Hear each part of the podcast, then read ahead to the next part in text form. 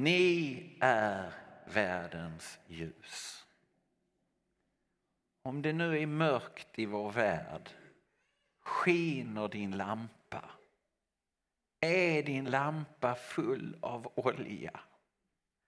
Är Herren i dig?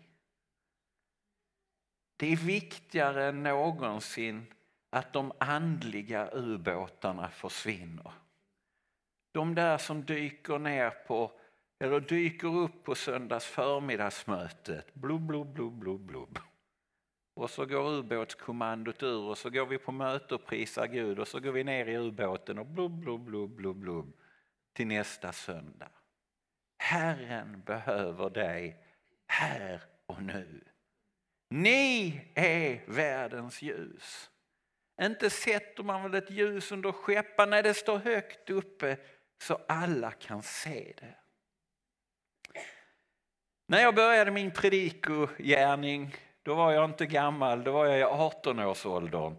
Och jag hade ju hört min pappa, den stora evangelisten, han hade predikat och det, och det var möten och massmöten. Nu var det min tur i en liten kyrka. Men jag, jag tyckte liksom, jag hade ju ändå lyssnat på pappa mycket, det här kunde väl inte vara så jättesvårt. Och så predikade jag. Och min gamla farfar satt där som har varit evangelist och han hade kommit till åren. Och när jag var färdig kom ner så sa jag, farfar, vad tyckte du? Och han sa, ja, vad ska jag säga? Låt mig säga så här mitt kära barnbarn. Läs i alla fall ett Guds ord när du predikar. För då får de ju någonting med sig hem. Oj, jag hade glömt läsa Bibeln. Men jag hade predikat, kanske från mitt liv och vad jag hade upplevt. Men det är skillnad på att vittna och predika, eller hur? Läs ett Guds ord, då får de i alla fall någonting med sig. Det har jag tagit fasta på. Så nästa predikan jag hade, då hade jag ett Guds ord med mig. Då var min pappa där, stjärnevangelisten, och satt och jag gick på och jag predikade, jag kanske hade hunnit bli 19 år. Och så gör jag samma dumhet igen och går ner till pappa och säger Pappa, vad tyckte du? Och han sa Ja, min son. Gud hatar kopior. Och han älskar original. Försök aldrig bli en kopia av din far. Du har fått dina gåvor. Du har fått ditt kall. Använd det, inte mitt. Hälften av skämten var pappas och bibelorden och annat. Jag hade ju rest med honom överallt. Jag hade inte varit på så många vanliga möten. Jag hade lyssnat på min far. Lyssna på sin far. Det kommer det här handla om, men att lyssna på din himmelske far. Att höra Guds röst. Om någon ropar min son så är det bara en som vänder sig om som känner igen sin faders röst. Det är barnet. Resten vet det var inte min pappa, det var inte hans röst. Jag känner igen min pappas röst. Jag kommer när han kallar. Från Jesaja 6 och 8. Och jag hörde Herren tala och han sa Vem ska jag sända vem vill vara mitt sändebud? Och jag sa, Herre, här är jag, sänd mig. Det har varit en ledstjärna i mitt liv.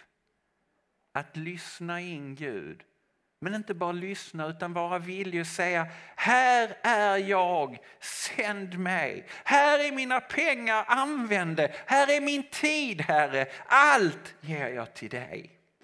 Använd mig. Känner du igen Guds röst? Där finns en bibelvers, nu ska jag läsa så farfar blir stolt handlar om Samuel och Eli.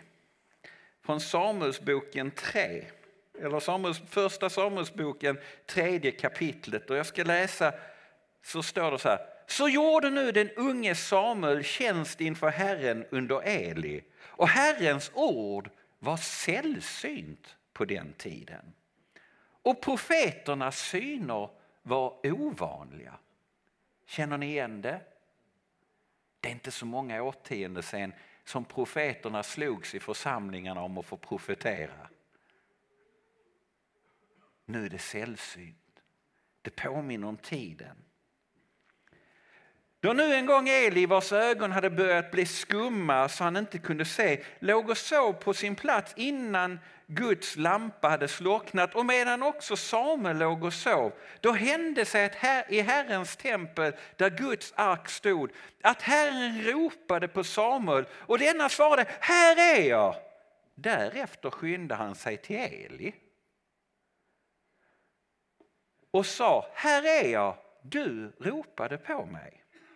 Men han svarade, jag har inte ropat, gå och lägg dig. Och han gick och la sig. Men Herren ropade än en gång, Samuel! Och Samuel steg upp och gick till Eli och sa, här är jag, du ropade på mig. Men, sa han, jag har inte ropat min son, gå tillbaka och lägg dig. Samuel hade nämligen inte lärt sig att känna igen Herrens röst och hade inte något ord blivit uppenbart för sig. Men Herren ropade upp på Samuel för tredje gången och han steg upp och han gick till Eli och sa Här är jag, du ropade på mig. Då förstod Eli att det var Herren som ropade på Samuel. Därför sa Eli till Samuel Gå och lägg dig. Och om han vidare ropar på dig så säg Tala, din tjänare hör. Åh, vad det är min bön denna morgonen. En församling som öppnar sina hjärtan, en församling som säger tala, din tjänare lyssnar. Må det vara din bön denna dag att Gud talar till dig. Och din bön att du lyssnar. För vad hjälper det om jag talar till mina barn om de inte lyssnar? Ibland så tror man ju, jag som har tonårsbarn, bara man säger något, du fattar ingenting. Fanns det på din tid? Jag sa likadant till mina föräldrar. Lyssnar du på vad jag säger? Ja, ja, jag hör vad du säger. Okej, okay. Gör du vad jag säger? Va? Ska man göra det också? Ja, annars hjälper det inte mycket. I Jakobs brev står det i 1 och 22. Var ordets görare, inte bara dess hörare.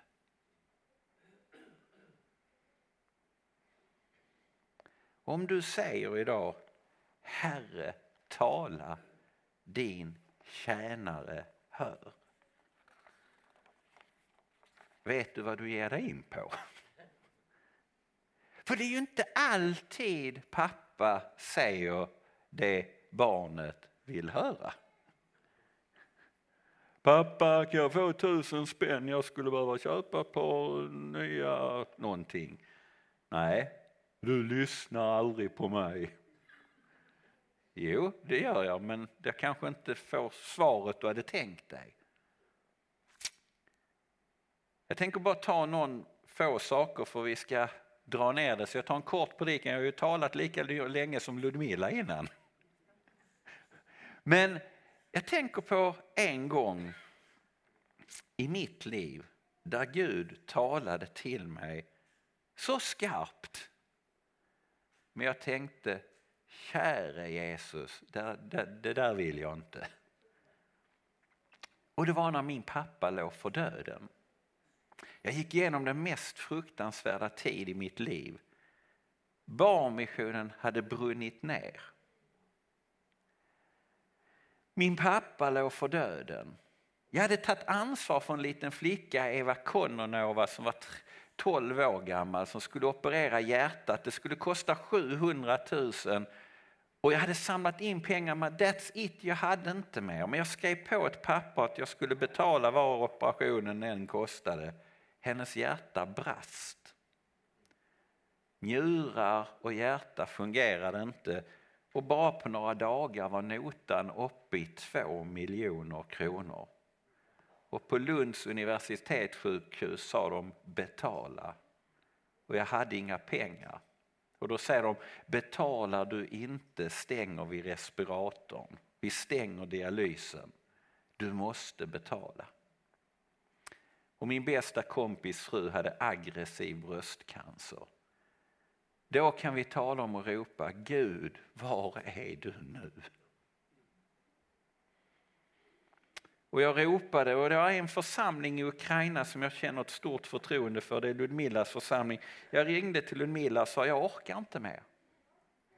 Be i din kyrka för situationen, be för min pappa, be för Susie, be för Eva. Så sa hon, det ska vi göra. Och så ringer hon mig på söndag eftermiddag och säger, hej Bosse, vi har bett i kyrkan. Och när vi bad så reser profeten sig upp och säger Hälsa Bosse. Eva skall bli helad. Hälsa Bosse. Sussi skall bli helad.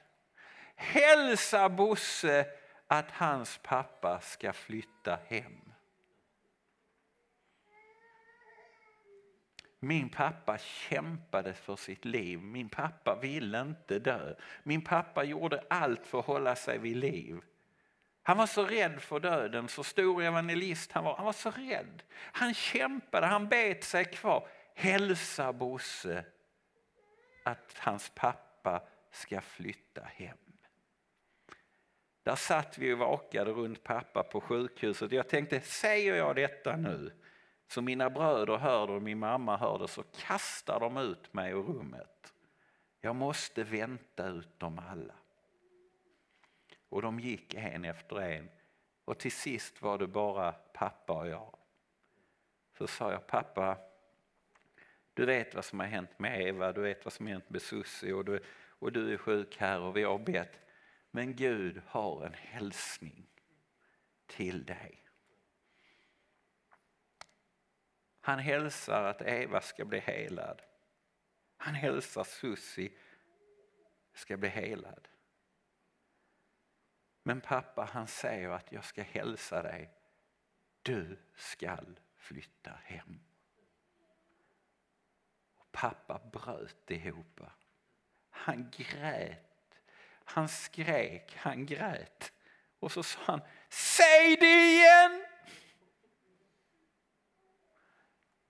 Pappa, Herren säger att du ska flytta hem. Säg det igen min son!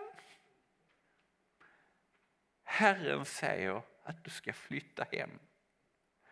Tack Jesus! Då är alla mina synder förlåtna. Himmelens port är öppen. Jag trodde inte att han kunde förlåta mig allt som har skett i mörker. Men idag kan jag flytta hem i frid. Tänk om jag inte varit lydig Gud. Två dagar senare somnar min far.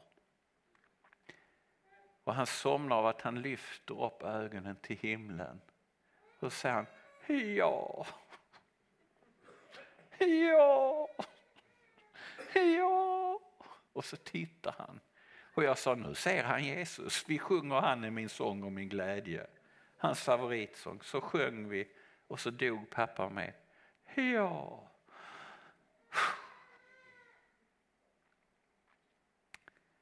Lilla Eva Jag, kan tänka, jag är ju inte så jättebibelkunnig, men något jag har fått gjort i mitt liv ibland, det är när det verkligen är illa. Och jag vill rekommendera det. Det är att ta din bibel och så ta ett tumgrepp. Och säg Jesus hjälp mig. När Eva låg på sjukhuset, det skulle kosta två miljoner kronor, jag hade inga pengar. Så eh, tänkte jag, det, det var inte bara det, människor sa du är inte klok. Ska du satsa hela missionen på ett barn? Ska, barnen gå, ska barnmissionen gå i konkurs för en flickas skull? Hur många myggnät hade du kunnat köpa för de här pengarna? Hur mycket vaccin hade vi kunnat köpa? Och så kommer alla förstå sig påare. Och jag säger, Gud, skall jag säga, nu drar vi strömmen. Här ger vi upp. Eller är du med mig? Där låg hon i sin dialysmaskin för njurarna, där låg hon i sin dialysmaskin för hjärtat. Och så drar jag upp Bibeln och hamnar i Jeremia 20 och 12. Något ord jag aldrig har läst. Jag sa Gud, ska jag fortsätta sen? Ty Herren Sebot prövar med rättfärdighet. Han ser njurar och hjärta.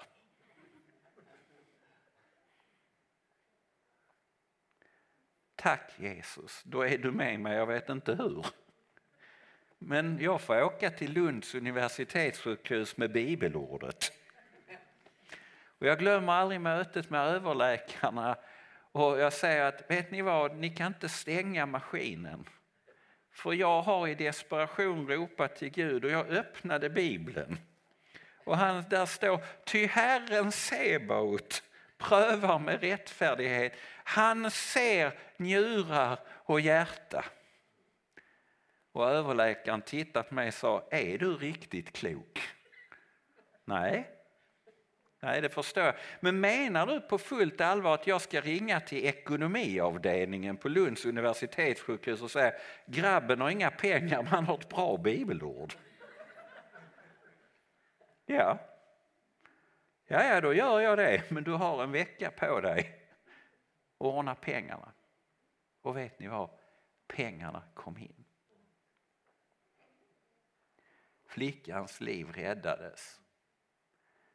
Hur många av er hade åkt till Lunds universitetssjukhus och läst ett bibelord för ekonomiavdelningen? Men om Herren kallar dig, vågar du gå ut? Jag ska avsluta där, jag ska inte göra det för, för långt, men jag har ett bibelord till. Och jag, och jag, predikar till mig själv, det gör ofta vi. Det är billigare än att gå till psykolog, det är att ha allmän behandling från predikstolen av sig själv. Hur många av oss har inte upplevt ett kall från Gud men inte vågat gå för vi känner oss ovärdiga? Våra synder jagar oss dag och natt. Det som bara du och Herren vet. Hur mycket av detta håller oss tillbaka? Så går vi och så hoppas vi bara inte en profet ställer sig upp och säger Bo,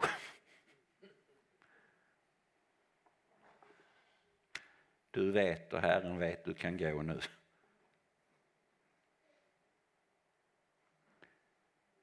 Och man känner sig som ett sönderkrossad. Man känner sig helt under isen. Men en hälsning till dig idag är att Gud tar aldrig bort sin nåd från dig.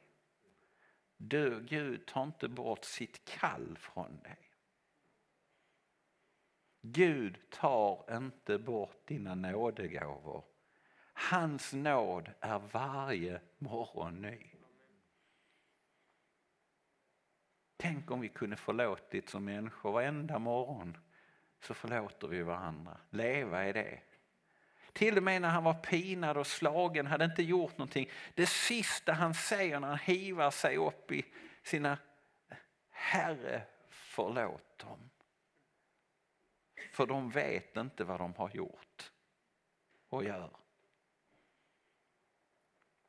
En hälsning till dig idag är från Jesaja 42 och 3.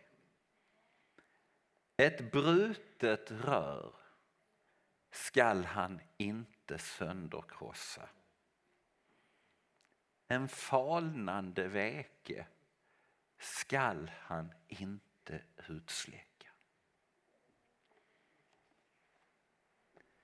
Finns det något värre än ett brutet rör? Vattnet sprutar åt alla håll eller vad det nu är för någonting. Det fyller inte sin funktion. Man, skulle, man vill bara krossa det, byta.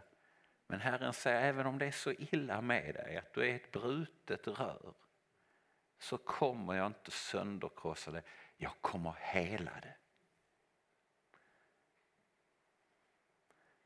Du som brann så för Herren för. Du kämpade och du bara känner åh! Och känner idag att nu börjar det bli som en falnande veke. Nu kommer jultid. Vi ser mycket falnande vekar då, eller hur? Lågan blir mindre och mindre. Och till sist så liksom är det bara själva tändningen kvar. Det är till och med så att ibland slocknar lågan och så är det bara lite rött därpå och så ryker det. Värdelöst. Fyller inte sin funktion. Nu byter vi ljus.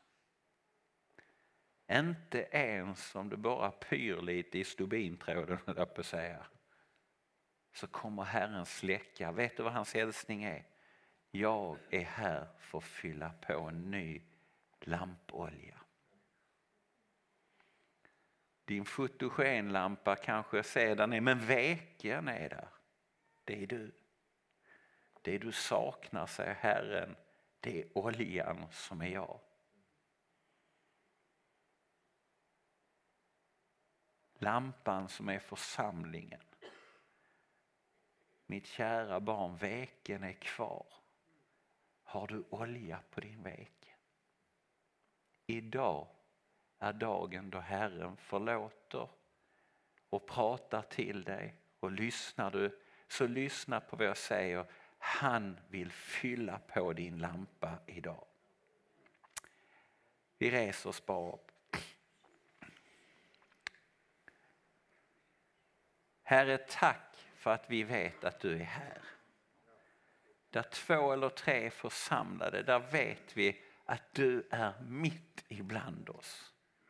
Och just nu går du runt i din församling Jesus, står vid människors sida, tar deras hand och säger skäms inte, du är förlåten. Jag har glömt och nu ska du få ny olja.